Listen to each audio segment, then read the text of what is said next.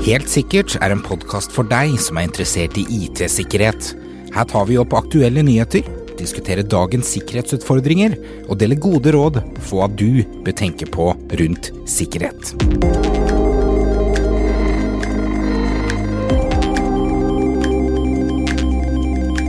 Vi kan lage og implementere tekniske sikkerhetsløsninger som fort blir veldig kompliserte.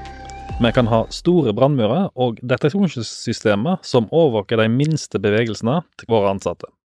Men dette her hjelper veldig lite dersom de ansatte sjøl ikke er klar over hvorfor disse systemene eksisterer. I dag skal vi snakke om sikkerhetskultur. Først litt info. Språket i dagens episode blir på engelsk. Hello, my name is Stian. My name is Alexander. And welcome to Helt sikkert. Yeah, as uh, you heard, we have a guest with us today, Niall. Uh, could you tell us a little bit about yourself? Uh, my name is Niall Merrigan. I am the head of cybersecurity at Capgemini. I'm a Microsoft regional director, and I'm also a Microsoft uh, developer security MVP. Nice. I have been a security person, I think, for the last 12, 15 years, and I speak around the world on uh, technical subjects like cloud security and um, how to hack your web applications. But I also do kind of things around like social engineering and also security culture and how to make it easier and better for people who are not so technical and how to take better care of themselves that way. That's cool. Welcome to the podcast. Thank you. So, yeah, security culture. It sounds like a daunting topic if you just say it by the name. Well, you know, the, the funny part is that like uh, everyone I, I have been talking to has been saying, "Oh, we really want to get um, better with security in our in our organizations. We want to build security culture." And everyone thinks it's something you can literally do overnight. And to be honest, when you think about it, um, culture doesn't happen at just you know what tomorrow we're going to be cultured. It takes time, and like you say, it can be a bit daunting, but it is small steps, and there is a nice, well trodden path, as in someone will help you get through there. And also, there's these little things you can do that'll make your job easier every day and make your your users and the people that are using your IT systems um, more aware and more alert and be able to help you do your job easier as well. Yeah, and this we talked about earlier was if you have routines or things that you need to do in maybe a written form, so it's easier to to like do the same procedure every time and keep the the security culture up. Exactly, and this is like you know I'm assuming most of your listeners are going to be quite technical, and they all have the the non-technical parents and the ones that kind of get asked, um, "Can you help me reset my password?" and all that. And oh, yeah. we've all we, we we know that. You know, you get that call, and you know it's mom, and it's like, I have something on my computer, and at that point, you're reaching for a beer or you're reaching for a comfy chair because you know you're going to be there for a while. Yeah. But like for this type of thing, it's how do you help people get past that? How do you make it easier for them to understand what they're ready to do? So, like, what are the controls? What are the processes that you can put in place that will kind of say, this person will now understand? Now, we are very technical people. So, very often we'll use things like, oh, you need to reset and do this. And it's like, people don't understand those words. Um, so, how do you say, okay, I your password is not good anymore? How do you change it to be a good password? And it's not like add a number one. So, how do you only have to remember one or two things and then make it easier. So password policies, for example, are they're a bit like a religious discussion. For many people, you should change your password every uh, three months. For other people, they're saying once a year is fine.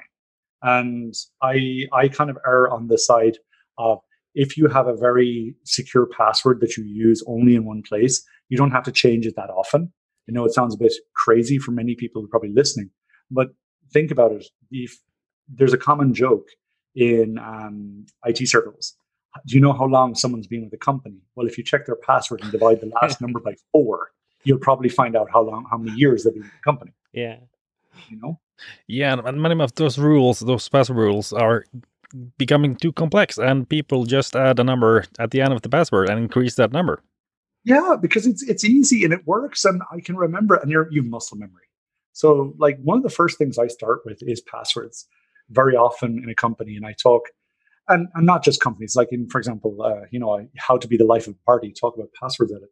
And um, you have people and they say, well, what should I do? I can't remember everything. I said, okay, how do you remember all the numbers that you have to call on a regular basis? Do you you probably know your significant other's um, number, and you probably know your mom and dad's, and you probably might know your brother or sister. Yeah. But after that, it's very often you don't know anyone else's number. So how do you remember those numbers? You like, have to, gentlemen. How would you? How do you remember those numbers? Well, uh, right now I don't remember any of the numbers because I use my phone. But uh, yeah, you, exactly. I remember. I'm sorry, I'm leading you down a path. yeah, I know. I've taken it over. Uh, no, it, what it what it's down to is like exactly, and that's where we start with the the analogy of you don't remember everyone's phone number, but you have a tool. Yeah. It's your phone, and you know what it's like when you forget your phone. I'm like, oh, I don't know this person's number. Yeah. So I start with password managers, and I say this is a really good way, and you know, having a password manager even to start you off will protect you against 99% of most attacks because you'll have strong passwords. Now, sorry, I'll, I'll t- rephrase that. A password manager and multi-factor authentication Yeah, but yeah. most of us as attackers will go after your password because we, we know if you, you go to a password breach and you look at someone's password there, that is the basic one they'll use. Yeah, and now when like big databases of passwords are already broken and published, uh, you, you yes. can easily find the password that people are using and since they're using the same password everywhere it's easy yes. to just guess them and try it exactly and that is the like and that's where i start saying this is the impact um, uh, that you have and this well, someone says well you know remembering passwords is hard and i said exactly that is why you use a password manager and being able to have something that auto fills your password in for you or being able to just say i only have to remember one very complex password um, they can copy out and put into the new uh, copy paste that password in and they get the username and everything is kind of taken care of. And like i i, I use lastpass myself and it has this great auto uh, update password feature so i can just click on it and say update it has there's integration with like uh, Troy Hunt's haven't been pwned for example yeah. and on other software services like that. And i i kind of said people go well you know this sounds complex. And i said well let me put it in a better way for you. How many of you have netflix generally everyone put up their hands. So how do you, you share that Netflix account with somebody else? And usually a, a fair raft of hands will go up. Yeah. I said, would you like to not have to share that password with someone else? And this is where I piqued their interest because I said having a very complex password means very often people will not borrow it because it's really hard to type in. Yeah. In a uh, on a and that's why Netflix, by the way, has only four characters in its passwords, maximum requirements, so they can you can type it in on a on a, on a, um, a TV. Yeah. Um, but having a complex password like that means that people won't borrow it. Very often they'll go, "Oh, that's too difficult. I'll go and buy it myself so I can use my own weak password." Problem solved. Yeah. You know how to get screens back off your Netflix account. it's a really simple thing, but this is how you build culture. You build by giving people a little step at a time. And every time they go forward, you praise them and you can build it up more. Like we started about talking about processes. Like, for example, when we talk about how do we do stuff, we very often blame the user. Yeah. They made a mistake. But really, shouldn't we, as the people that are building these solutions and, man- and maintaining them, make it easier for them not to make a mistake?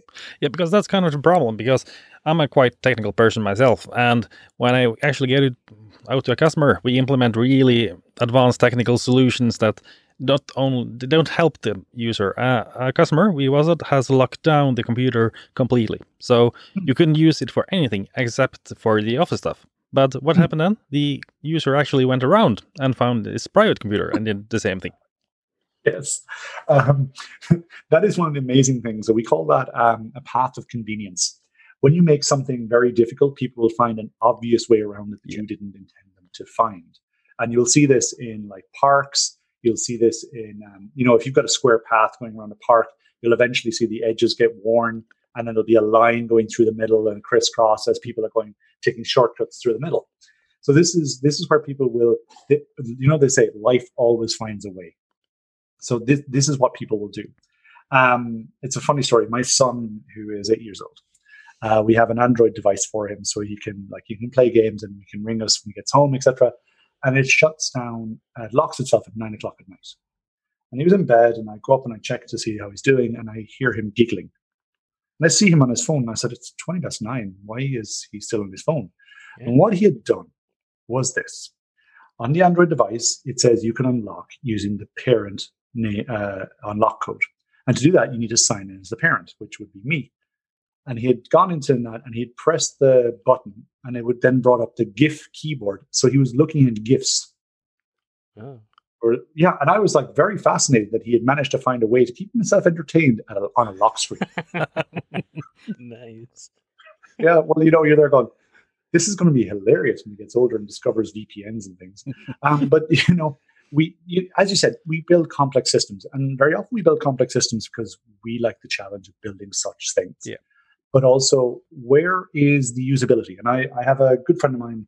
I, um, I was very strong by the name of Berger Ostrom, and he does a lot of stuff on usability and UX and the experience that people will have. And one of the things that uh, I always said we should really try and team up and work out to do security usability because they are two at odd forces to each other. How do you make something secure and usable? Yeah, yeah, and it's very hard. the, the thing is that that's actually where, if we pull it a, a little bit off security, Apple, Yeah. Apple has done that great thing with UX. They have designed things that actually can be used by the normal people, and they understand why they should do it that way and how it's supposed to be done without people, anyone telling them. And that's Apple for security, basically. Yeah, and, and if you think like you know, we have the Apple have been doing the password manager and the concept of a keychain for years, and it even suggests new passwords for you. Store your keychain, and then you have um, you know Face ID to unlock, so biometric unlocks. It's it's fantastic, and and P- and PC has Windows Hello, and it's starting to kind of become the norm.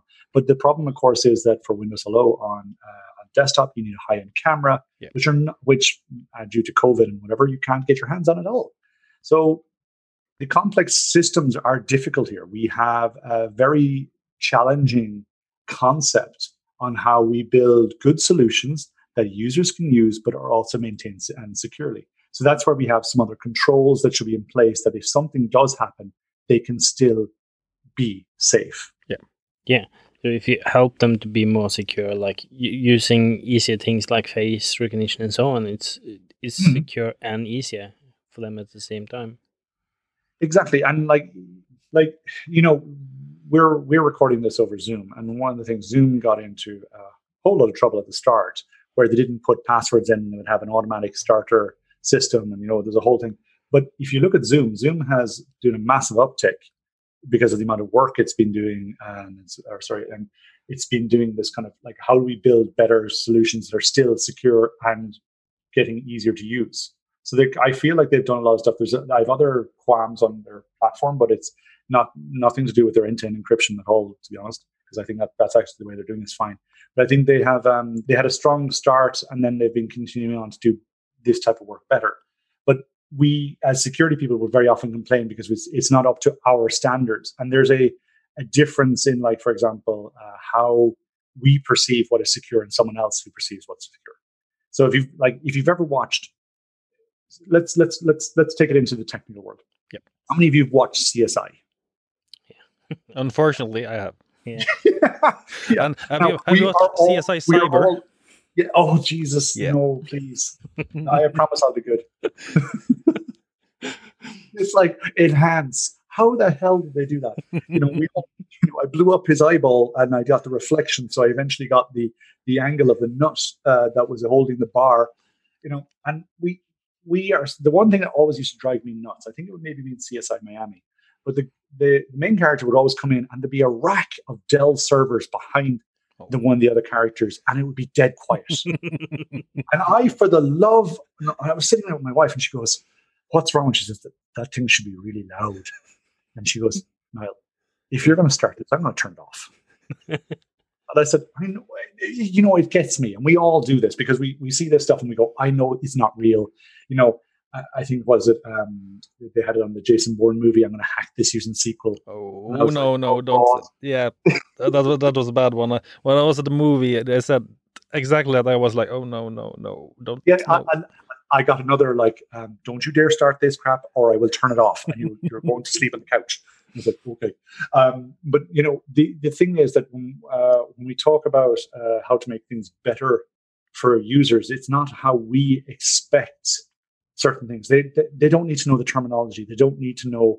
They just need to know they're being safe, and if they're doing right things, that it should tell them they're doing right things. And if they do wrong things, it said, "Listen, you probably didn't mean to do that, but you need to go back over here, or you can't do this." So um, it it this is there. There's ways around everything, but we should make it uh, to the point that it's still usable and, and and workable for people themselves. Yeah, because that kind of a problem. If you punish people when they do mistakes, they won't learn. They will just learn that they will be punished, not not why they actually did a mistake.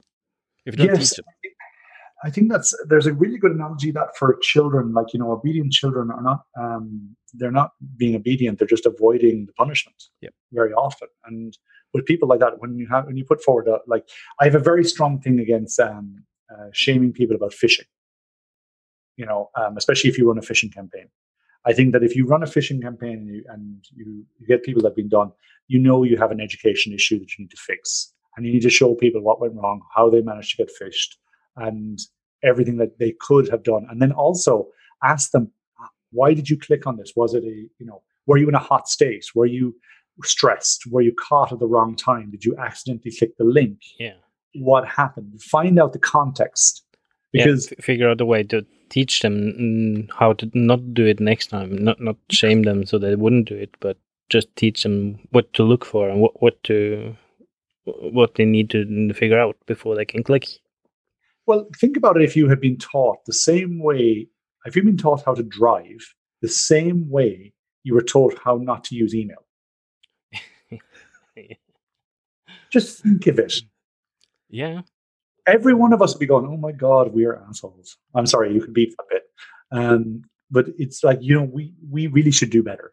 Now, my my personal thing on it is that when we when we try and teach people how to do this, we should take a more empathic view.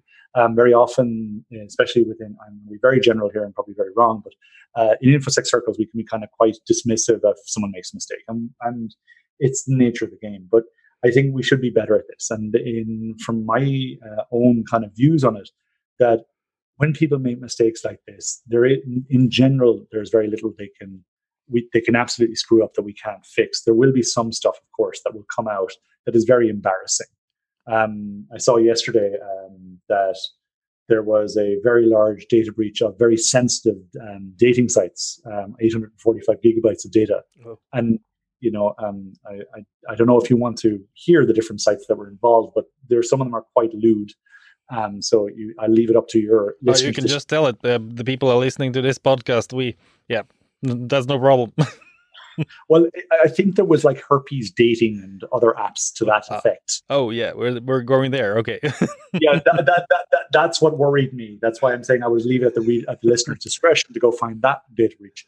Um, but like you can imagine that it, that that is embarrassing because no one's really going to own up that you know my data was in there. But the uh, the owners of the sites and stuff like that, people trust them to do their job right, and it didn't work. But like they're not going to get, they're only going to get not going to be shamed too much, other than the fact that they admitted a data breach and whatever, and, and people life will go on. People who click on a link inside an organization generally get more shame than that you know, and it's Yeah. it's more difficult, and there's more, and there's less at stake there. So I think we need to be kind of when we're building up this culture, it should be a case of it's okay to report stuff that's wrong, and you think that's wrong, and you look at it. I recently helped. Uh, did I was in my company, and we were just myself and the security manager were doing a walk around. Just to, we were doing a physical security assessment, is what we were doing actually, just to do for some. Um, we're doing some things, and a number of people commented, um, "Why are you here? And you know, are you doing?" And I was like, "Great! They're actually asking questions when they see someone they don't recognize." Yeah, that's good. That's good. And I was applauding it. And I said to the CEO, send an email out and remind people. I said, this is a very good thing that they actually did say this. And I said, give them kudos, say well done, and, and said that this, it's being vigilant, it's being simple. You don't have to be paranoid. But if you notice someone that's not supposed to be there in an area that's secure or that generally it's only office staff, you kind of have to ask the question why they're there. Yeah, and um, but what I've experienced is that when you're you put people into a secure environment and tell them this is secure, they actually let their guards down. Of course. So because it's supposed to be secure. it's supposed to be safe. Um, I have so many different things of this, and we'll have a bit of fun with it. Let's let's do the first one. And the one that always gets me is people in airplanes, and the number of people who will open up a laptop on an airplane and just work away on secrets or very highly sensitive stuff. And you're sitting beside them or you're sitting behind them, Yeah. and you can see straight into their screen. And people just think, oh, I'm in my bubble. No one would be looking over my shoulder. Why would they do that? And I'm like, well, that's because people like me are weird. Yeah, Um, everybody's curious. So Well, you know, there's there's always, oh no, it's my child is looking at you. I swear. No, but you know, it's not that. But it's just that that's that's the general thing. If you put people in what they think is a very safe space, they're going to do stuff that they would normally do at home, uh, wherever. And that was what we were. Everyone was worried about when you did home office. That because at home you're very safe. It's your home. You know, you don't think of it as your work environment. You don't think of it as something where you need to do the same things routines you would do at work. So people were worried that they were gonna people were gonna be taking links or you know doing silly things or going to dodgy sites while having other of productions and, and other work open. That's what we were worried about. And I said, well, don't you have controls in place to prevent that being stolen? Yeah. Or something. And they were like, uh, no. I said, well, why are you putting everything on the user? I said, even even if we go back to the driving analogy, and one of the things that I kind of um, I, I told people is what what would happen if you took all the brakes out of every car? What do you think would happen? I'll drive pretty slow Exactly. Why? so I don't crash. Exactly. And if you don't drive very slow, if you don't dr- if you don't drive very fast and you drive very slow, you're all going to be on the same speed, but everything will slow down. But it's not really usable, is it? No. No. We getting to Kristiansand from Stavanger would be really, really hard. um, it would take, Take quite a long years. time. Yes. We- well, it takes years on the E39 as it is, but um, we, dig- we digress. But if you kind of say, okay, like here, that's the reason cars have brakes is so to allow us to go fast, so that when we need to slow down, we can. But that's still not enough. The other control is what happens if brakes go wrong or whatever. We need to put in airbags, um, Yeah. we need to put in seatbelts, and there's all these other safety mechanisms in place because we don't rely on just one. We rely on multiple ones. Yeah. So you know, when we were talking about the work from home and people being safe and secure, because when they're in work, very often they won't do those little things. They might do them at home. Then we needed to put other controls in place to make it better for them and also invisible so they can, still do that work in that. Because for the last three or four months, it's been very stressful for most people. And there's been a large uptick in phishing mails and etc. that have made it that we as technical people have been trying to solve. But we also have to say, okay, how can we protect those users so they don't get this stuff? So do we put like, you know, um, better DKIM and SPF and um, DMARC in place so that it's nothing that the user can interact with, Yeah. but it definitely makes them more secure. Do we kind of do better and more aggressive junk mail and um, Spamhaus phishing or sorry, identification? Much better. Okay.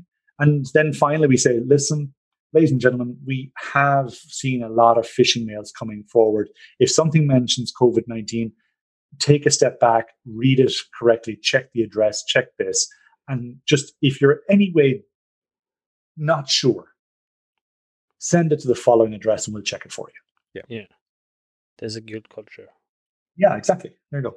So yeah, I was working with a customer, and uh, they had uh, their laptops, so people could Yeah. take it home with them, and they have always on VPN. So and the great thing about that is that the user doesn't have to do anything. It when he the user connects to the network, it will always connect the VPN to the office, and then we'll will be always connected. Uh, the user don't have to do anything actually technical to get it to work. It just works. Isn't that so simply brilliant that you kind of go, why isn't everyone doing that? Yeah. you know, I know dir- you have to what, the direct access from uh, Microsoft do that. And, you know, the, it takes a little bit of time to set up, but it is one of those great things that makes people go, oh, this is awesome. And less, less mental load. Yeah. And I'm all about kind of teaching people to become um, self-aware and, and uh, with, with their IT security issues and also how if they do certain things securely, they can do stuff at home with the same knowledge. Yeah, and the people working with security can easily like get connection to it and maintain them and update and make sure everything is okay without Yes. calling them and make sure they need to open something in the firewall at home. and you can uh, we've all been there where we've tried to explain to people and you have god knows how many different routers and other screens and you know the the main thing i find with when you're building this type of culture is how do you make it easy like you say put like always on vpn how do you make it so that um, people can also react be normal and be happy and say i'm not going to feel worried if i put in a a phishing mail or something is wrong, I'm not going to waste someone's time because it's going to protect people themselves. Um, I remember doing an experiment with uh, an, an, organization once where they said, like, you know, who would click a mail to this? And, you know, people were yes, no. I said, what if that mail meant that you didn't get paid? And all of a sudden it became real yeah, yeah. for a lot of people. That the impact of their decisions, and that's part of it as well, there is certain things that may have an impact and that's also responsibility for them for for everyone together so it wasn't to try and scare them it was just to bring something in place that made more sense to them yeah, and also that uh, um, that's what we're seeing with phishing mails. Uh, uh, at least the the better ones are playing on the emotional level.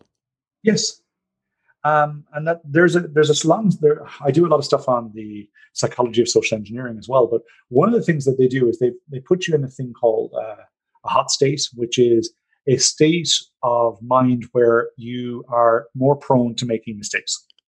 Um, you know, I always saw. You ever, you ever got these like you know the phone in quizzes where they, if you want, if you listen to them on the way to work, you go, oh my god, I would have, I would have got all ten questions, no problem. Yep. And got my ten hundred thousand kroner, like you know, on yeah, or whatever it is. And if you were put in the same situation, you probably get about three because your brain would be freaking out because you wouldn't be able to think. You're put on the spot. You're not in a relaxed state. So that's what we do is we make mistakes. We we do stuff that um, we wouldn't normally do. And when we use email in a certain way, it's it's read in the tone we think that that person is sending it in, not the actual meaning. That's why it's very hard to emote in um, on email, and that's why we invented emojis and other things like that. And the kind of the techniques they're using now is what we call is a very interesting concept what we call business email compromise. Okay, haven't heard, heard of this. It? Oh, you're going to love this because it is dastardly, absolutely horrible, and brilliant at the same time. So, business email compromise goes back to the idea that we have stolen one of your passwords, and we log into your system and we monitor your mailbox and monitor the conversation and uh, then use that to understand how to send emails as you. Yeah, I can see where you're going. You see where I'm going? I see where now, you're going. Traditional phishing, please click the link. Yeah. Normal phishing, hi, this is an email from Stian, and he's saying, um, Niall, I need you to join this Zoom meeting uh, for a podcast. Here's the new Zoom thing, and you've created a new thing. And I click the link because I'm expecting you to do this, and it takes me to a, a dodgy Zoom site with a malware stealer or whatever you want it says, please install a Zoom. And I said, I haven't Zoom installed. What's going on? You know, that be, could be a very simple way of getting uh, someone like me or anyone else that would be expecting it. Now, this is very often used um, to steal a relatively large sum of money. Can you imagine? Can you have a guess, gentlemen, of what people are doing with it? Well, I think most of them are sending changes to the bill accounts or uh, bill department and so on to change the account numbers and uh, yeah, giving. Stop stealing my Congratulations, correct.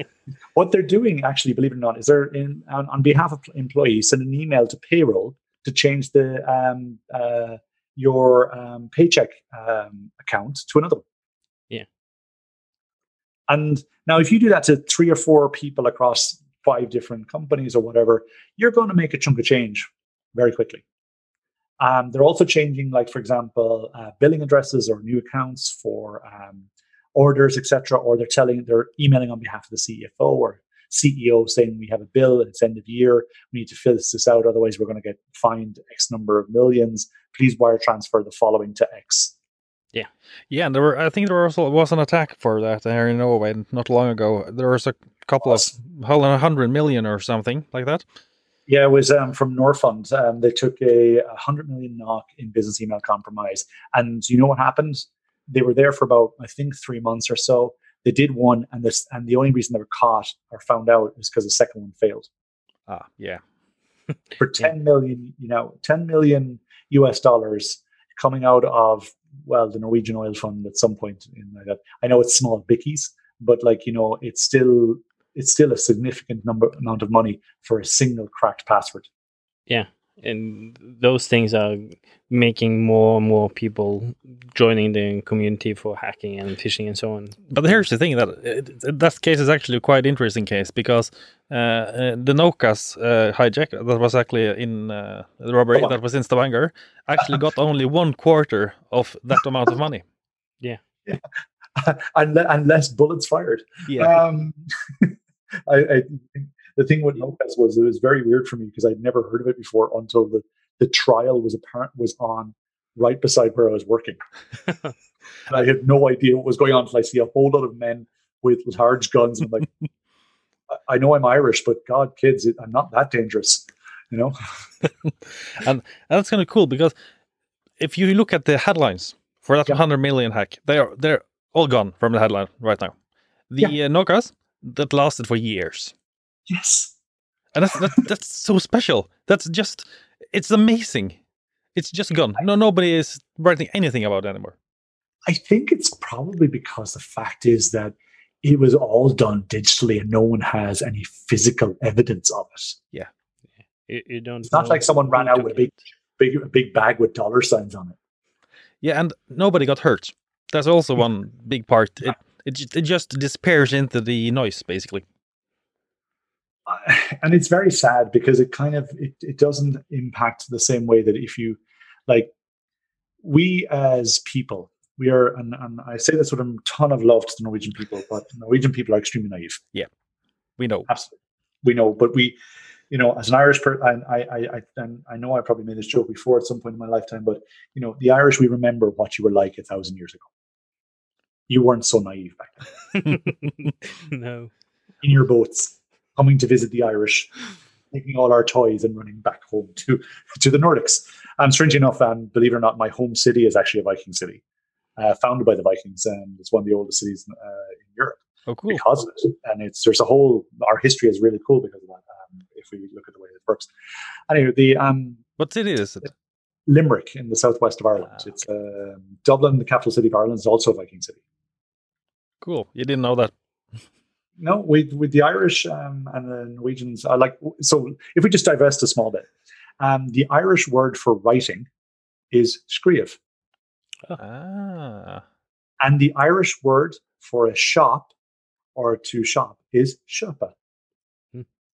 So they come from the Norwegians, and if you want to know, like for example, why Scousers are called Scousers, it's because of Lapscouse, which they made down in Liverpool, which came from the Vikings. That So there's your history lesson in the middle of Yeah. a security talk. Um, so where were we? Um, so the BEC concept is very is very potent for a lot of companies right now because the fact is it only takes one or two compromised accounts.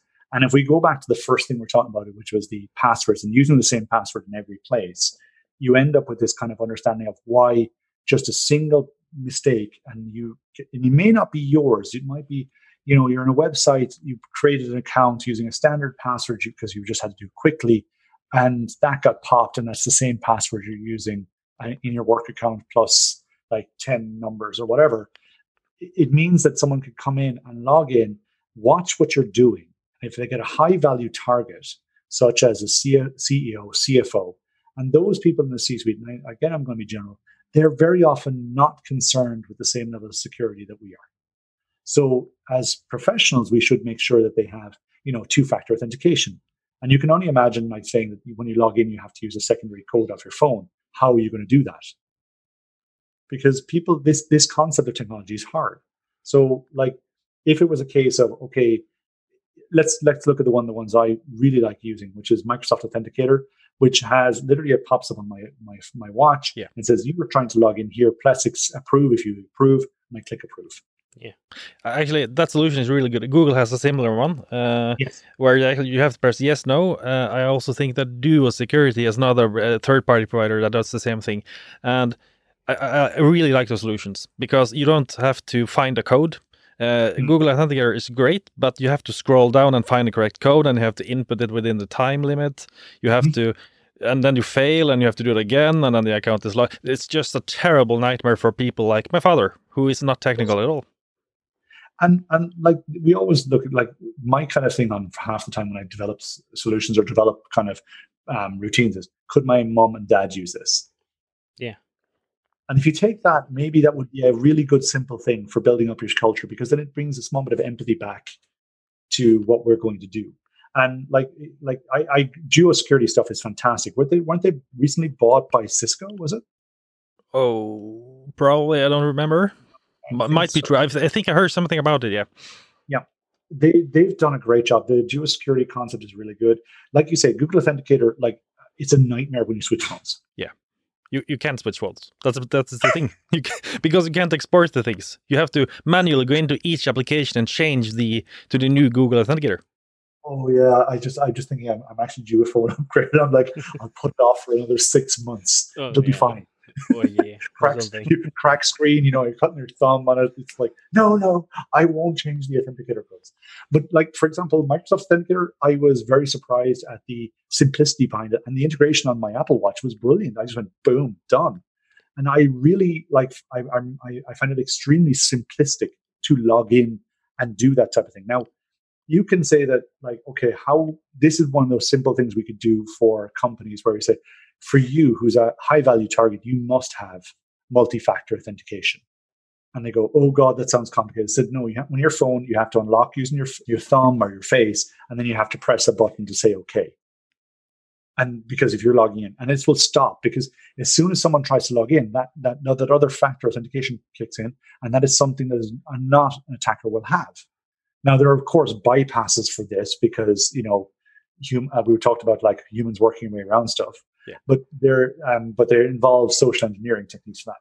The the great thing if you do give people that simplistic security mechanism, it is the same as putting on a seatbelt.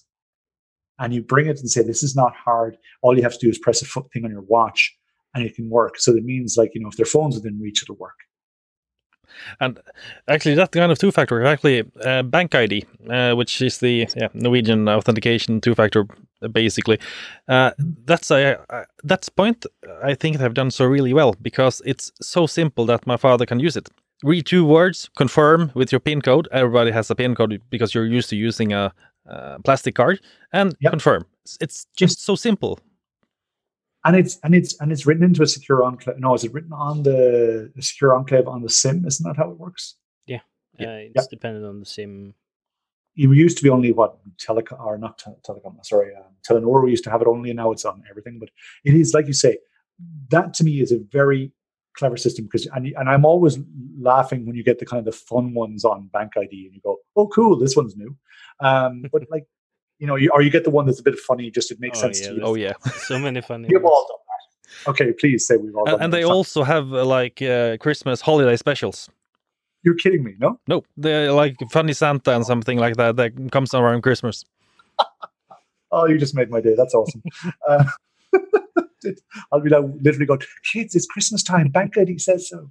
You know, uh, that is great. Um, but that that exactly that that that simplistic uh, routine. You have if you want to do this, you have to have your phone. Great. Like that is the like okay. If you want to use your passwords or you want to log in, you need to do this. And if you can put that together and make people in, to understand it, it is not hard. It is just why are we doing this? Because it's the same way if we if we gave you a car without seatbelts, you probably drive very slow, right? And they go, yeah. Now imagine we have seatbelts and all the other stuff, and this makes you much safer. Because realistically, two-factor, multi-factor authentication knocks out about 95 to 99% of most of the user-based attacks. Yeah. Yeah. And uh, I saw a report here not long ago that 85% of all attacks are user ini- initiated, or Yes. at least successful attacks.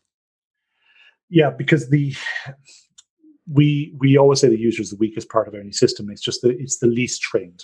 Um, controls follow very specific routines, but people are subject to emotions and time of day and other uh, things like sleep deprivation and being hungry, and means they will do something, or they just accidentally do a thumbs uh, kind of like, oh my my thumb slips and I just click the link by accident. Yeah, or if they got an email from from a colleague saying something, they, they will trust it much more than than they would if it was some some third party pe- person they have never heard about and so on. So yeah, and like if we think about okay, the, for the business email compromise, one of the one of the things you can do is like there's, for example, with Azure, um, there's a thing uh, called Active Directory P2 level, which has a thing called conditional access, and it has rules, for example, on what we call impossible travel. So if you're in like Stavanger and you're then two minutes later in Italy, it knows you didn't get there by walking or doing anything else. You probably beamed there or whatever, but it says this is, looks like a really dodgy login. Yeah, actually, I have kind of cool story for that because in 2003, 2004, I was using Neteller. Uh, you uh-huh. probably heard of them, and yes.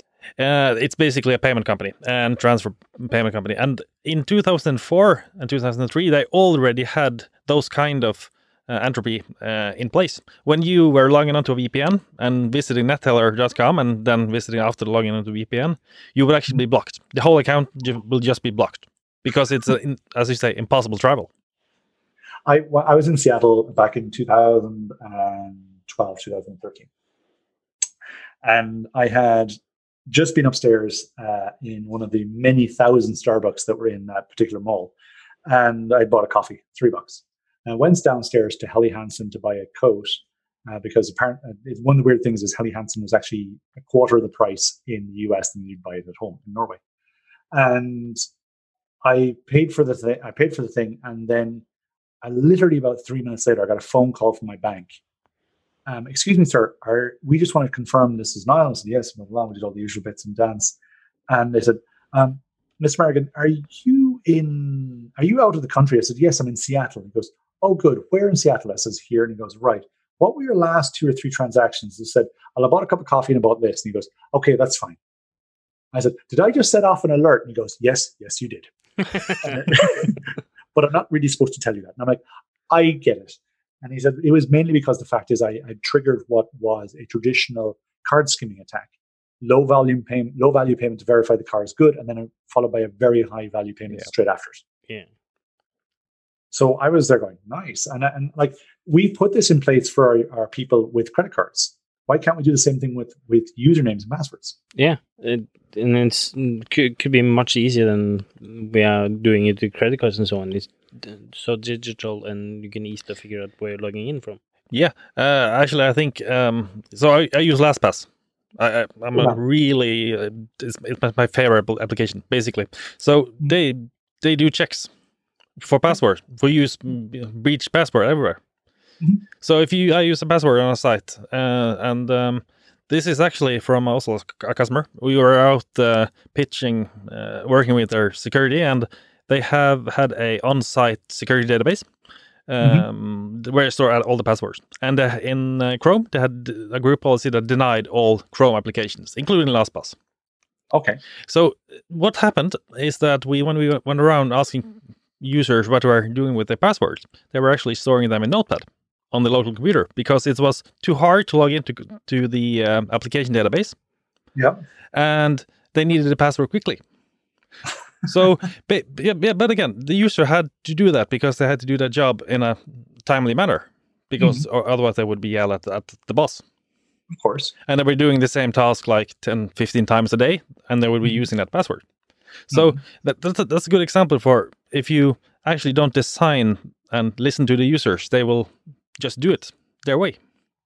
And this is huge for the kind of um, how do you make it so that, um, like with LastPass, for example, let, us not run into a LastPass commercial, but they do have LastPass Enterprise, which is integrated into Active Directory, and they could have just shared out that.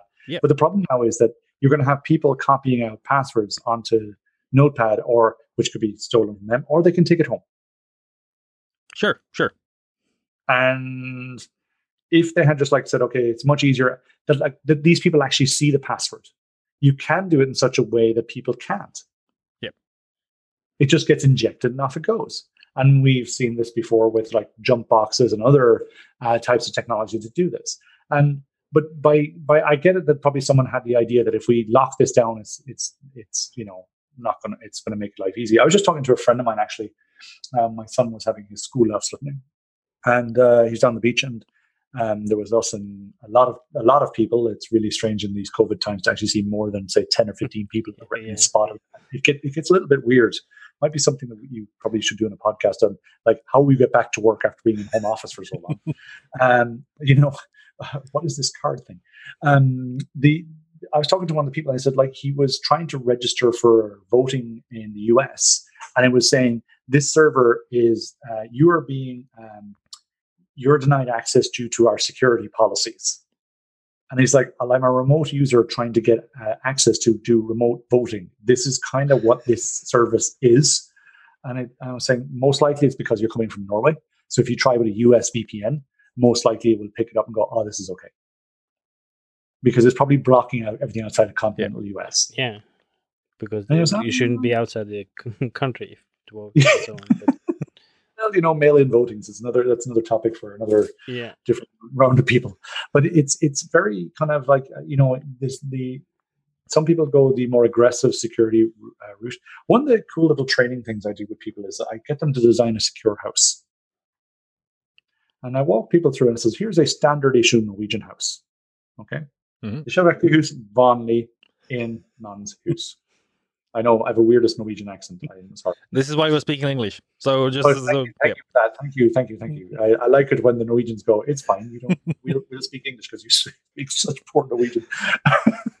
I have tons of stories about it. And uh, sorry, one of the funny things is, um, uh, my joke for Norwegians is, how do you ask a Norwegian to pick up the garden hose beside the garden snake? And watch them go. I don't think you can do that. Ta opp slangen på siden av den slangen. Watch Yeah. your head explode. It'll be fun. Yeah, You're- you're all- yeah. I'm very quiet. You're all going. I have no idea what just Yeah. happened there. The Irish guy confused us with our own language. Yeah. So it's just yeah, two two words that means the same. you broke him. You broke Yeah. him now. hacking number one. and if you say Norwegians don't have a sense of humor, look at the word gift. It means poison and marriage at the same Yeah. time. it's an irony. Oh, it's brilliant. Uh, it's like, why are you getting married tomorrow? I thought you were being poisoned. Um, but anyway, the the um, I've lost my train of thought here. The um, where were we?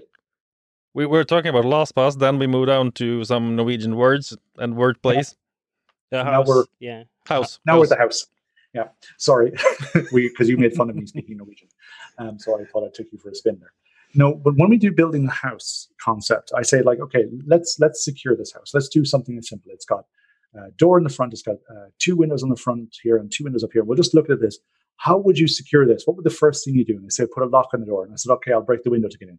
Okay, so we'll make the the windows. Uh, we'll put bars in the window. And I said, okay, um, I'll break down the door. Okay, we'll have an iron door. And it keeps going and going and going to the point that I usually end up with someone who's built a house complete with a moat that you have no windows in, that has laser beams and rocket servers and stuff. And people go, and I say, Would you live here? Yeah. And they go, No. no. Said, Exactly.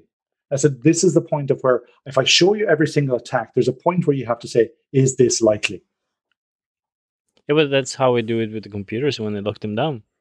Yeah, yeah, but that's that's kind of the problem because uh, exactly what you're saying. IT security people have might have a tendency to go overboard with everything. Hmm. Just implement all the security features that you know. Yeah. Yep. Because that one time when you forgot this happened Yeah. and it's it's very important like you know i have um i i have the simple things like i say like okay auto lock the computer after three minutes it's a great little thing stops the people kind of accidentally leaving computers unlocked for long for too long Yeah. have it down to one minute if you want but it's it should be long enough that people can step sit away from the computer for two seconds and still be okay to come back and not lose anything Yeah, we'll do it in ten seconds. Ten seconds is good. have you seen some of these people type I joke, Use more like- than ten seconds to type the password. using more seconds yeah you know um Oh, that, that, I have a good story for that because uh, when you actually log into um, VMware over uh, doing Linux and Red Hat, Mhm. uh, there is a timeout on the time you can take to log into the to the system. And Okay. if you have a complex password, let's say 20, um, 20 characters long with uh, uppercase, lowercase, and some things. You, you can't copy paste in the password. You have to type manually. So when you actually get to t- 10 or 15, it says login timed out. and uh, th- that's so funny because it actually does the opposite than actually security system because it it forces you to use a simple password.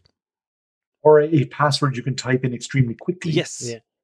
So Like you, you know, it- it's like A through to L, one line, you're done. And it, it's supposed to be a security feature, logging Yeah. time out after a certain time, but it isn't. well, it's counterproductive. It's like um, it, this this is what happens, and we and you know if you think about like if we're complaining about this as, as technicians, you can imagine what uh, what our generic users who are not as proficient Yeah. are going to be like. Like that's unfair. You know, it's it's diff- we have to take back and say, okay, at what point is enough security enough, and yeah, it's, work we can do to help people out. it's exactly at what point is enough security enough. But uh, I'm a firm believer in security that isn't visible to the user, as you said previously. Like instead of having an alerting system that blocks the user, have a monitoring system that actually helps you to detect the, the security issues while it's happening, and then you can stop it. But don't try to block everything in advance. Yeah, because there, there there has to be a point where we either well we either childproof the house or we houseproof the child. Yeah. So in this case, we need to house um, houseproof the child and let them work. And I'm not saying that users are children. I'm more saying that the analogy is when you have children and you say, okay, I can teach them that the, the cooker is warm. I can teach them that the fire is hot. They shouldn't put their hands on the candles and little things like that that they will learn very quickly and, and appreciate those rules. And if you say there's the boundaries, but like even with my own kids, I they all had their own drawer which they could take stuff out of, but there was the drawers with the knives were um, were never locked because they never took it out of them and because they knew that that wasn't the problem was when someone else's children came over of course they were playing with the bloody knives Yeah. It's like a little monkey knife fight um you know and uh, it's it's very important that we have to also say that like this is something i learned when i learned to drive in norway that um, norwegians all drive the same way and having ridden a bike in Nor- in ireland and then moving to norway i thought that you were all lunatics no, everyone because but everyone understood where you were supposed to be on the road, except the poor foreigners went, "What the hell are you doing? Why do you not use indicators in a roundabout?" Uh, yeah, yeah. right, Alex. Oh, I have my own opinion about that. We have that, that discussion several Oh, times. good. Let come on. Let's, this could be fun. Let's, let's do it. Come on, I've just broken your head with something else. Yeah, yeah. Uh, uh, For me, I, t- I was learned that you, you shouldn't blink in to the roundabout. You should blink out because uh-huh. you should show where exiting the roundabout so the people driving in know you're going out. Uh-huh. But uh, But then you forgot to blink out as well. no, I, I- no. oh. Maybe some lazy. but yeah, uh, and other people are t- uh, taught to to blink when they get into the roundabout, and they, they only blink, for instance, to the to the left when they go in, and Ah. doesn't blink to right when to go out. So the people coming into the roundabout doesn't know if the person is exiting or not. it's really difficult because I, when you drive a motorcycle, one of the things you say is you're you learn to be a very defensive driver, and it just says blink everywhere. It doesn't matter because the thing is you just should, you should tell people where you're going because they won't see you anyway. Yeah. But you know, the thing was that if everyone kind of understands, you know, there's positioning on the road, there's positioning going into a roundabout, for example, that tells most people where you're going. And if someone does something wrong, everyone gets really upset because you did you went the wrong place. You know, and it's it's it. But like you know, Norwegians are extremely um, lane disciplined. Like when I was in Ireland, it was very sloppy in comparison, and it's just one of those things that I kind of think that if you've been all trained the same way, then when someone new comes into the system, they have to go through that training as well. So there needs to be that onboarding process and the understanding that how to do security culture within your teams and within your organization, because this thing comes over time.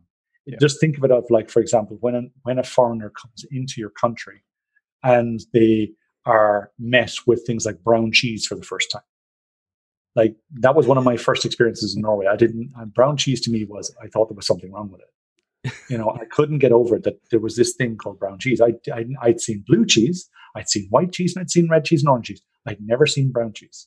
I didn't know it existed. And then you know now it's like, of course, this is no problem. But this is this is this thing that you know you you have to think of culture as this overall pervasive thing that you bring through your organization. It doesn't happen overnight. It continues, it helps, and it grows. And you have little, you have security champions. You have people that are there to help and are more aligned with the business than, for example, IT. Yeah. But IT also need to take their role and say, how do we enable business? How do you make stuff go as fast but be secure? How do you make sure that that your company has both brakes and seatbelts and other safety devices that they need, so that if something goes wrong, they can still walk away from it? Yeah. Because if you look at a 1950s car and you look at a car from 2020, if you drive a car 50 kilometers an hour into a wall when it was 1950, you were coming out of it as part of a tin can. And if you do it in, in 2020, you'll probably walk out of it and be able to claim insurance as the, the ambulance is turning up. And that's kind of a fun point because I think what's happening a lot in Norway is that we hire security people and we hire security companies and Mm. we expect them to fix all the security problems just like Mm. that. It's just hire them and it's gone. And Mhm. it's a bit of a, of a thing that it doesn't work like, like that. Uh, it's, it's, it's like you can do it with IT. You can hire some IT guys, they come in and they fix your system and everything is good and dandy. But with security, it's different. As we say, we have to get people on board. We have to get the management on board, not at least, because if it's it doesn't it starts at the top. That's the, Mm. the thing. In Norway, we are actually uh, really a, a following culture, so we follow the leaders, Mhm. and if they don't change, the people under won't change. and that's and that is like and you bring up the leadership thing and that is huge because you know if you if your leaders are doing it and can show it can be done very often most people will follow that tr- that that trend as well so uh, i will say that the, the it's not just an it problem to fix it is an overall eh, organizational and that organizational is helped defined by the leaders that are in there so if the leadership has taken a stand and saying this is something we will do and here's what I'm doing today to make it better. Yeah. In other words, I'm using. I'm, I've found out that my passwords have been uh, have been broken in this, so I've now started changing, and I'm using this, or just even simple things of, for example, um, not just a decree, but a kind of a, a, a little bit more. It makes more sense if we do this because if we all pull together, we will be better. Yeah. And it means that, for example, please don't use the same password. I know it's hard, but he, the the IT department have supplied tools, and we as a company are giving everyone LastPass, or we're giving everyone uh, five dollars towards your uh, password manager for the year. Like if you think about it, that value on itself would for fifty NOK is the same as buying everyone in the company a cup of coffee. Yeah, it's it's it's, it's the tool because uh, I can tell you just quickly back to last, but why I'm, I am using it because it autofills the password when I'm logging in. It I don't have to think when I go to Facebook. It I Mhm. just click and log in, finished. And then you have the two factor auth for that. Now you Of should course. be doing. Yeah, that- just checking. Just checking. Yeah, of course. Uh, but but yeah, for, for the password part, I don't have to think. I cannot see your eyes, but I'm assuming they're shifting left and right, going, yeah, of course. Yeah, of course, two factor. I have that enabled. Right now, clicky, clicky, clicky. but this is something else I tell people. I said, it doesn't mean just your work accounts. It means things like Gmail. Yeah. It means uh, uh, Hotmail. It means Twitter. It means Facebook. And people are like, why? I says, to be honest, if I compromise your Facebook account or your Gmail account, I can use it to log into a lot of other stuff because you might have set it up with Google or you might have set it up with Facebook. It's an authentication provider now. It's an IDP. So if you do that, people then realize, oh, wow, actually, and I said, not just from the usual, you know, we the Facebook posting, ha ha, Niall's an idiot, blah blah blah. It's it's more like actually, if you click on this, I can get to like, for example, Kickstarter. Yeah. I can probably, which would have credit card details. I will have, for example, Facebook, um, Gmail. God knows how many things you can log in with that, and it also is probably your email address, so you can do your password resets. Uh, Like, yeah, Huge. for for my part, I'm I'm not that worried about those kind of things. What I am worried about is them becoming me and locking me out, because digitally, that's my only way to communicate. So if I would have to manually call every people I have on Facebook and say this is not me, I am Yeah. totally screwed. Yeah. Totally screwed. You, you don't have the, that contacts at all. No, I don't. it's not on I don't have any way to actually fix that. And I can be me for as long as they want. Yeah. Oh, we had a breach with a customer some years ago. They they had they used uh, Adobe for for work, uh, like software they used for drawing things and so on for work, and a lot of the people was using their work uh, email and password at Mhm. Adobe because it was still work thing. Ah, I know where you're going. and then that database was breached uh, with Mhm. Adobe, and all of the passwords for that company went went public. So a lot of people was phished, uh, or not phished, but they was logging into the account, and then Mhm. they spearphished the head of the um, company, and Mhm. they had to pay three hundred thousand Norwegian crowns out to a company. Uh, just because someone phished them. Yeah, it's you know phishing is is is dangerous. And, and like when you th- like everyone hears about it but no one does anything until um, they kind of have been done to themselves. So i i like i think the, the the way to work with this is is to show people it's not just your work account and stuff like that but it might be your private stuff. Now i one of the things i do a lot of with my social engineering testing and stuff like that is when i'm training people is i'll say okay um, do you know how to hack someone's phone and most people go, no, show me how you can hack someone's phone. So, okay, how many of you've got, like, for example, one of the iPhone 6, 7, or 8, the ones that uses um, fingerprint ID? And people say, yes. And I said, okay, there's a cool feature on this that's not on the iPhone 10. And they go, what? And I says, okay, give me your phone. I said, cool. Now unlock it so I can show you what I'm going to do. the person unlock it and I'll take the phone and says, ladies and gentlemen, that is how you get someone's phone. You Yeah. ask them. Oh, actually, that, that was a cool thing because I think the Norwegian NRK they actually had a test where they actually walked around in Oslo and asking mm-hmm. people their passwords, Yes. and people were giving it up. yes. It, it was so cool. It was so amazing. But it's, do you know why? No, tell me. No, because people want to be nice. Yeah. Yeah. And it's not it's not that we want you to be bad but it's also the fact that we want you to be nice. And if you tell people oh this is for a survey i need to get this information people will volunteer information. But like for me i did this did this demo and i said i'm not going to be mean to you. I said every single person fails for this falls for this because the fact is that no one wants to see you fail on stage. It's one thing. Um, one i'm showing you i'm going to show you something cool I, I get excited about it which means you start getting happy and cool and think it's fun.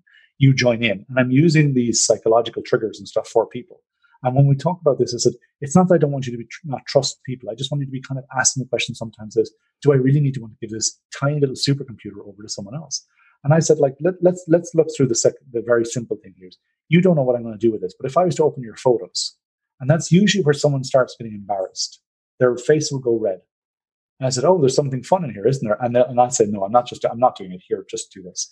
I said, but I just wanted to point out something that something as so simple as that you wouldn't you would not like no one will give you your phone for doing that but if you ask someone for like a loan of their password to log into their system they'll give it to you and just think of all the stuff that's logged in when you're there when you log in like you talk about logging into facebook i have i i I, I don't honestly remember the last time I logged into Facebook on this machine, and that's I'm going to be very honest, even as a security person, and because it's constantly logged in.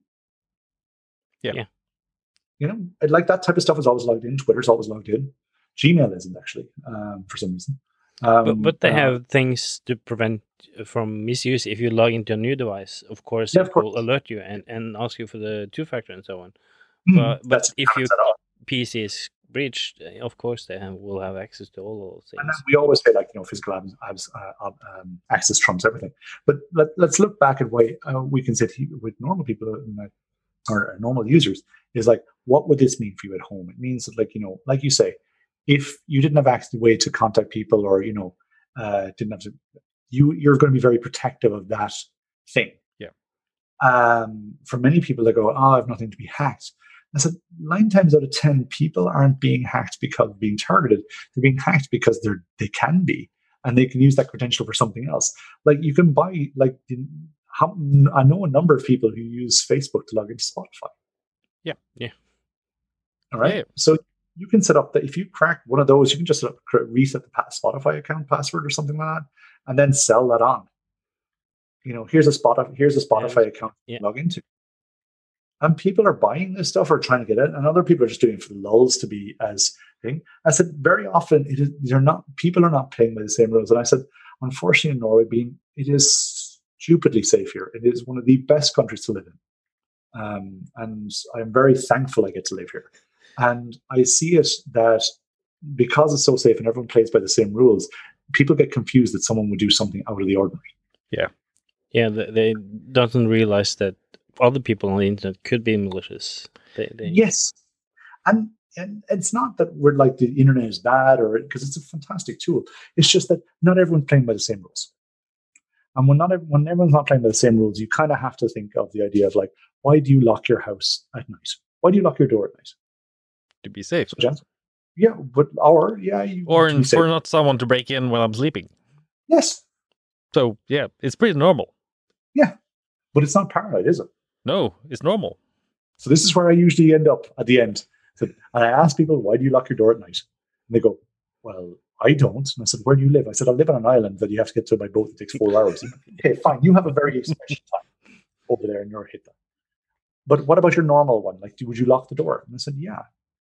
Now, I live in Stavanger and uh, we have this thing called ONS. It's the um, big um, oil and gas symposium that happens every two years. Yeah. And very often what people will do is they will rent their houses out to um, people who are traveling here because there's not enough hotel rooms. It's a very handy way. You leave the you leave the city for about a week, Mhm. or you go to Itha for a week because it's on in August, and you rent out your place for a week, and you get a decent amount of money for it. Oh, Yeah. I couldn't do that. No, no, but it's it's just Yeah. you just need it's it, it's like Airbnb, but it's before that. Yeah. Okay. And we had I I lived in Dublin for a while, and I was living in a four story uh, apartment block. And every time I came home, I would lock the door. And when I came to Norway, I started doing the same thing. I'd come home and just lock the door and walk in. And my wife um, asked me, "says like, why do you do that?" I said, "It's just force of habit." And you just because you just don't know who's gonna who's gonna open the door, and it, it's it's just in case, you know. It's nothing because I'm worried about anything. It's just it's just a normal habit. It's in my head, and it's probably going to take me at least two or three years to get out of. Okay, she's like, fine. And during ONS, uh, I was taking out a bag of dirty diapers uh, because my my son was about one year old. And this, I was walking out the door, and I meet this gentleman walking in the door. I'm like, "Hello," and he's like, "Oh, Wrong Um, house. this is not yeah hey this is not the stairs. I'm like no it's not. And he goes let me go. Oh i see. I'm meant to go right. And i'm like yes let me show you. The stairs are over here. He goes thanks very much. Apologies again. Like i said i've either been done and i've been very nice or this guy has got the best um, alibi ever you know i think i just randomly walk into houses no no i'm lost i swear and but you know if you think about that what how many people have like keys sitting inside the door to cars and other yeah, things a lot of people. And you're, you're mentioning it be- because I remember, uh, I think I saw it on TV. Uh, I think it was in the UK where people actually were just opening the door, stealing the keys. Do you know what? I have I did a talk at Øredev in 2019 called How to Hack a Cat. Um, and it's about how to hack pacemakers using live animals. Um, it's a fun talk. It's a bit mental, it's a bit meta and black black mirror. But I talk about, like, for example, where we did near field communication and stealing cars. For example, using replay attacks, where you have a, a, a receiver sender on the, the door and it sends the key co- fob code to the car, which allows the car to start. For Yeah. that keyless entry concept. There's a video from the UK police of these guys stealing a uh, Mercedes or something, and it's fantastic. Yeah, you um, see one person going up to the door and the other one beside the car. By the car, Yeah. exactly. Have you seen that video? Yeah, I've seen it. It's and the worst part is the car. They, they unlock the car, but the guy, the other fellow starts heading off to the to his car, and then the accomplice or the guy in the, in stealing car goes, "Go back! You can't start unless you have the second key fob." and that's when the car get. That's when it gets funky because when the car starts, there's noise. so it's, it's it's a real kind of like um, very interesting scenario because you know when I'm not telling people like to be scared or anything, but I'm saying there's certain things you do that, of course, once we know you do that, we're going to exploit it. Yeah. And that is the difficulty. And that's why when I say when we're doing security and culture, it's all about small steps. It's not about scaring the living bejesus out of people. It's about making them feel that they are more in control of their own security every time. They are taking responsibility for certain parts of their actions, but know that we have other things in the background that will keep them safe. It's also about making sure that, you know, there's a culture to say, something went wrong. Can you help me? Rather than, oh, for God's sake, John, why did you click that link? Yeah. Uh, Or, John, you click the link. What can we do better? Yeah, and actually, I, if you take the car analogy, I like the seat belts because seat belts are there for your protection, and only for only for your protection. They're not protecting anyone else. Uh, of course, uh, you said as we had we have the air brakes to protect you in addition, but if you would just take a car and just put a seat belt into the car and not tell the user that it's there, they wouldn't know what to do with it. No. And you could tell them that's for security, use it.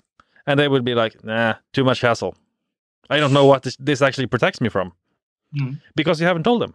You haven't told them that this will protect you by keeping you fastened and then once sling you out of the window. But if you Mm. don't tell the user anything, just that security, use it.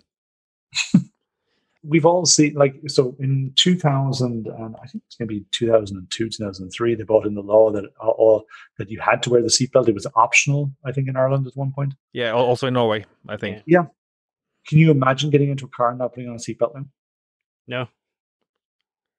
It's, no it, very it always fasc- just it always fascinates me the number of times i've been on an airplane and i still i still watch for the one person who doesn't know how to use a seatbelt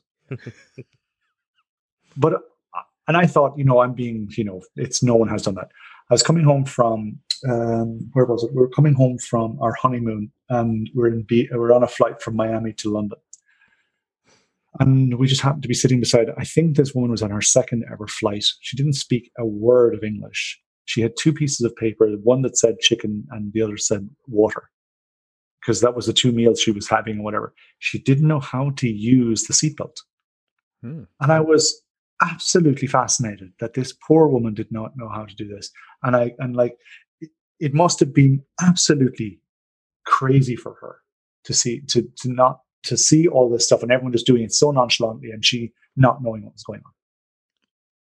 And I just turned and and I showed her how to do it, and she was like, "Oh, thank you," in her whatever language she spoke. And it it always makes me wonder, like you know, like you say, if you do, if people don't know what it is, to the, everyone else it's obvious, but to like to normal people or anything else, it's magic. Yeah.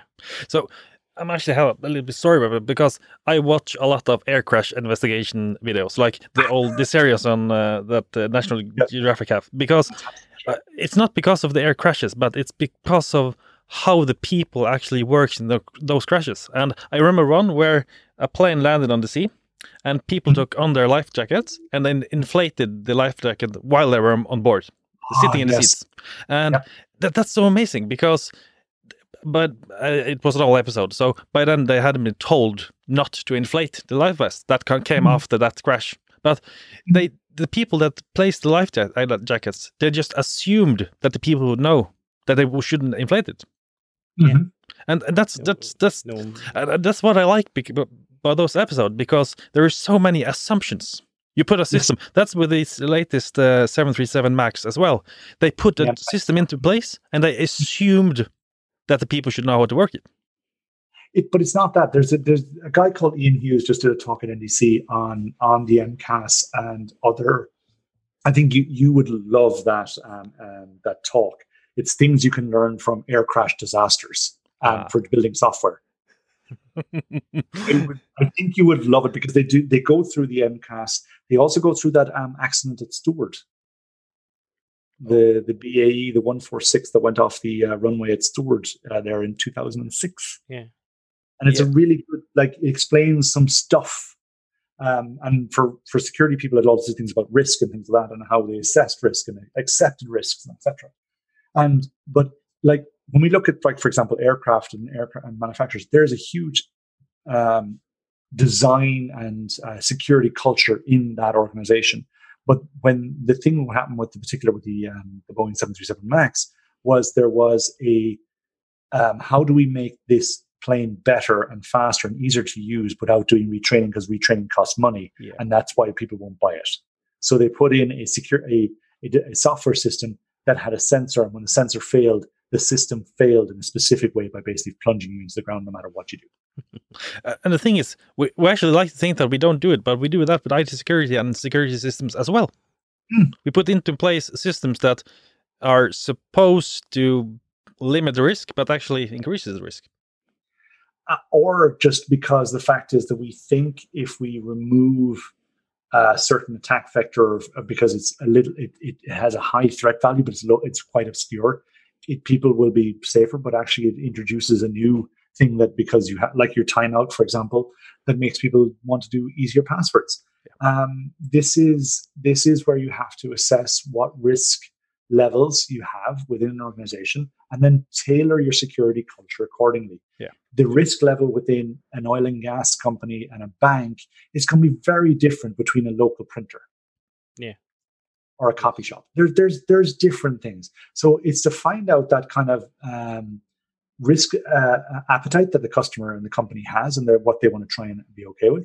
And then also then kind of go, okay, what do security measures do we need to put in place and what controls and what also training Yeah. and what sense of responsibility do we want to put on the people that we're doing working with Yeah, a good example about that was a company early on when, they started receiving a lot of uh, like malicious malware and so on in emails.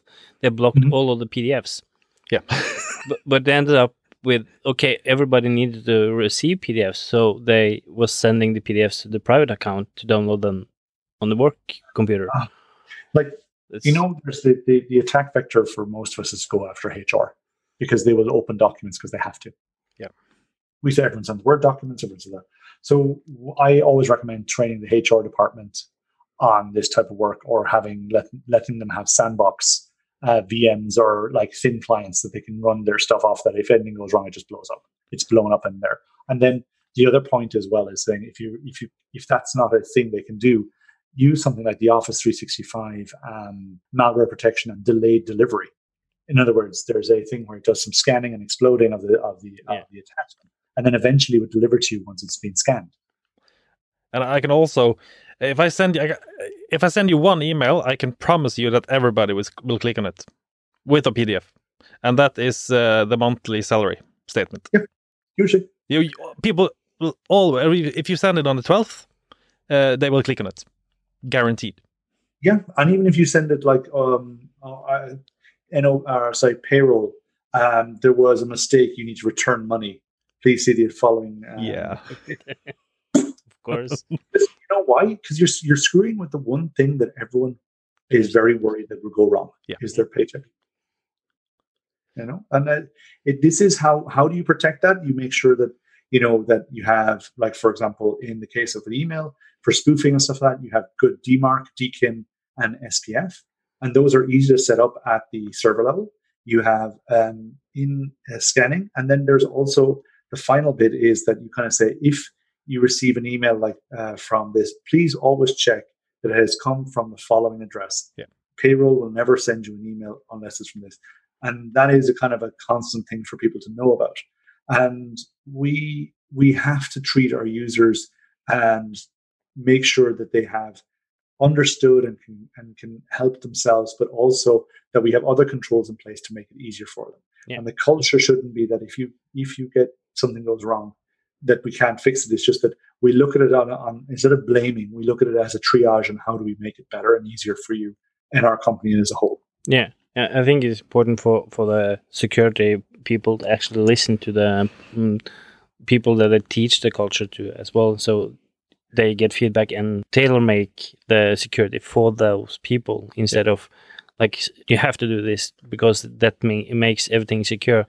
Yeah, it's much I've easier to just okay. It was easier if you did did this and instead of other. Yeah, I've thing. seen so much general courses like general security, general uh, do that and this, and they're they're mostly getting ignored by the people um, because it doesn't relate to them at all. And that's and that's and it's you can think why because you know no one's going to invest time if they don't if they think it's not going to be good for them. But this is why I, I when I say do security um, culture, I always say that there should be something you can take away and use at home. Um, like I I show people everything from uh, how I work on a day to day basis. So I have VPNs, for example. I use F Secure's VPN for when I'm traveling, and I just show them it's on my phone. I press one button and I'm done. Yeah. And people are like, "Oh, that's great. Why do you use that?" I says, "Well, I want to be sure that no one's listening, and it's nothing because I'm not whatever, but also it generally means that I don't. I I I know where it's going. And, I, and they said, well, what, do you trust this? And I said, there's a certain point where I even, do I trust my ISP? You have to ask that question. But I said, like, the, the, uh, very often I just, I'm not sure who's on the network with me. And it gives me a sense of, of you know, a little bit of safety. Yeah. It also means that if I want to, for example, be back at home in Norway and watch Norwegian TV, I can do it without the restrictions. And they're like, Yeah. oh, that that I like. I said, that's probably the reason why most people have VPN. Yeah. I said, like, and then you have like, okay, what do you do for example, your password manager? So use this. Um, what about uh, when you need to do like scary stuff or whatever? I said, I have a VM. Now that probably won't work for you because you know if you're not a technical person, setting up VMs is not easy. And I said, but you know, there is a case where you can have a machine you can throw away. I said, but they said, okay, what about like your internet? And I said, okay, that's really cool because that I have segregated. And they're like, oh, okay. I said, I have a guest network. I said, yeah, we have a guest network. I said, do you use it? He said, no. So I have a guest network. Everyone who's not a member of the family goes in the guest network. No, does it's just that simple. My parents, my uh, in-laws, anyone that's not a member of the family automatically goes in the guest network. Yeah. And without exception. I also have a kids network.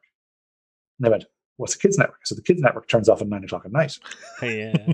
Perfect. And they go, oh, tell me how you did that. Oh, yeah. Now, I- That's I the use it problem everybody with kids have. Yeah. And all of a sudden, people could see the, the, the handiness of this. And then they said, but why do you use a guest network? I, well, A, I don't know who's coming in. And also, it just means that if there's a, anything going wrong, there's nothing that they can be blamed for. Yeah. It's not that I want to stay obscure. Like my dad got so upset. He goes, why am I on the guest network? I said, because you're not. The thing He goes, do you not trust me? I said, no, I just don't trust your phone. And he goes, okay. I said, but if you go onto my internal network, everything is scanned. No matter what you go to, it's looked at and and, and everything's there. He's like, all right, we'll stay in the guest network. I said, "There. And I said, but you know, and then I showed them like the, the Pi-hole from for DNS, and they were like, oh, this is amazing. I said, it's it, it's great because it's fantastic for um, reducing ads and, and things like, for example, there's no ads on the TV. And like, I said, yeah, and it's a little bit safer, and I can also have a DNS then for the kids, so they can, you know, the certain content is available on the adult network, but not on the kids network. You know, if you want to have, like, for example, gaming sites, or you want to be able to, you know, if little Johnny's getting a bit upset, you can ban Battle.net. Yeah. But you can still play it if you want to play World of Warcraft. They're like, I said, yes, now your Doomhammer of our, our parenting is coming into place here. I said, but why do I have this and why am I showing it? I said, I can show you how to be a little bit more secure and why we do certain things so that you can take that home and maybe do this for yourself. And it's it's up to you. If you're that type of tinkerer, this will help. If you wanted a, a kind of, I don't know where to start and I'm giving you the start, here it is. Yeah. And I find I get the feedback I get back is like, I put in this and I'm so happy it's here. I'm amazed at all the things I'm seeing on the network. And I'm said, exactly. Once I show you to, how to go behind the curtain, you will never look at these things the same way. Uh, exactly. That is kind of the security I like. The security that isn't visible. It just works. Yeah, and it works for you because it solves your problem. Yeah, n- not like the security's problem. And it doesn't limit the user. Yeah, well, it did actually. There, Well- there was a bit of there was a bit of pushback on the Pi-hole at home because when my wife was searching using Google and they came up the you know the Google ad and that she wanted to click on one of those, it didn't work. No. Ah. So I had to enable that, and that was fine by me because it was no problem. Um, because it was just the what she wanted to be able to do the Google highlighted search and whatever. I said, no problem. That's an easy fix. And she goes, okay, thanks. And uh, like Yeah. to me, that but that was a use case. So yeah, and the thing is that uh, if you would have said no, she would have found other ways to do it. Yeah, and like I, uh, my wife is quite technical. Um, her job doesn't require her to be, but she's very technical, and she does a lot of this, so she understands it because I'm sitting there and I'm blabbing away, trying to be like sound smart some days. And she she kind of says, "Well, why are you doing this?" I said, "Very often it's just I would like a I wanted to do a project to see if it could be done, and then I found a better solution for it and kind of understood it. And then I said, this actually makes more sense. So like they don't see the um, we, we I have a UniFi uh, Dream Machine Pro with IDS and IDP enabled. So they don't see that. And I don't talk about it because it doesn't need to be talked about because it's not interesting to them. The thing that was interesting was the fact there was no ads on Instagram or Vega or Dogma. and that was great because I, I had to just to see how it was working for her.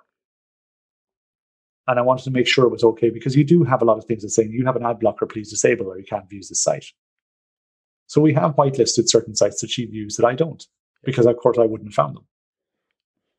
and that that for me is like okay it's an acceptable risk because it's not a it, this is only about trying to reduce the amount of ads in the house and other stuff and it's i'm thinking about like when the kids get a little older and they're and they have their devices how to keep them safe but also how to teach them how to be better on the internet so they don't end up being little kind of um, terrorists or uh, kind of Well, Not- not, well, not so much that you know, as being you know they, they, they get the typical thing i'm behind a keyboard and no one knows who i am and i'm just going to type all hate speech or something like that Yeah. that's that's a worry I have. But I want to protect them to make sure that you know they can see the internet in a very good way, and that I've showed people as saying this is how you can help your kids at home and also stay a little bit more secure and maintain. In other words, that worked resonated really well.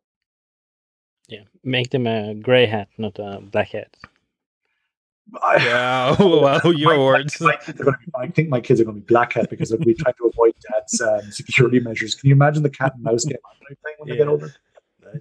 Dad, we're on the internet. How the hell did you do that? So I'm blue teaming myself. I'll be at home, but my little red team downstairs going, We're using the internet. Dad doesn't know. Well, you should only know they are red teaming you, so yeah. That's what I'm saying. You know, I can send my red team to bed. Yeah, yeah, it, it's been a good topic actually.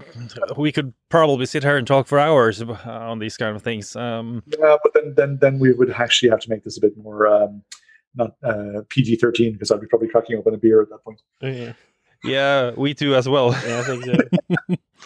It is late at night when we're recording this. I don't know when it'll be going out, but it's we can say it's like stupidly late at night because it's still bright outside in Norway.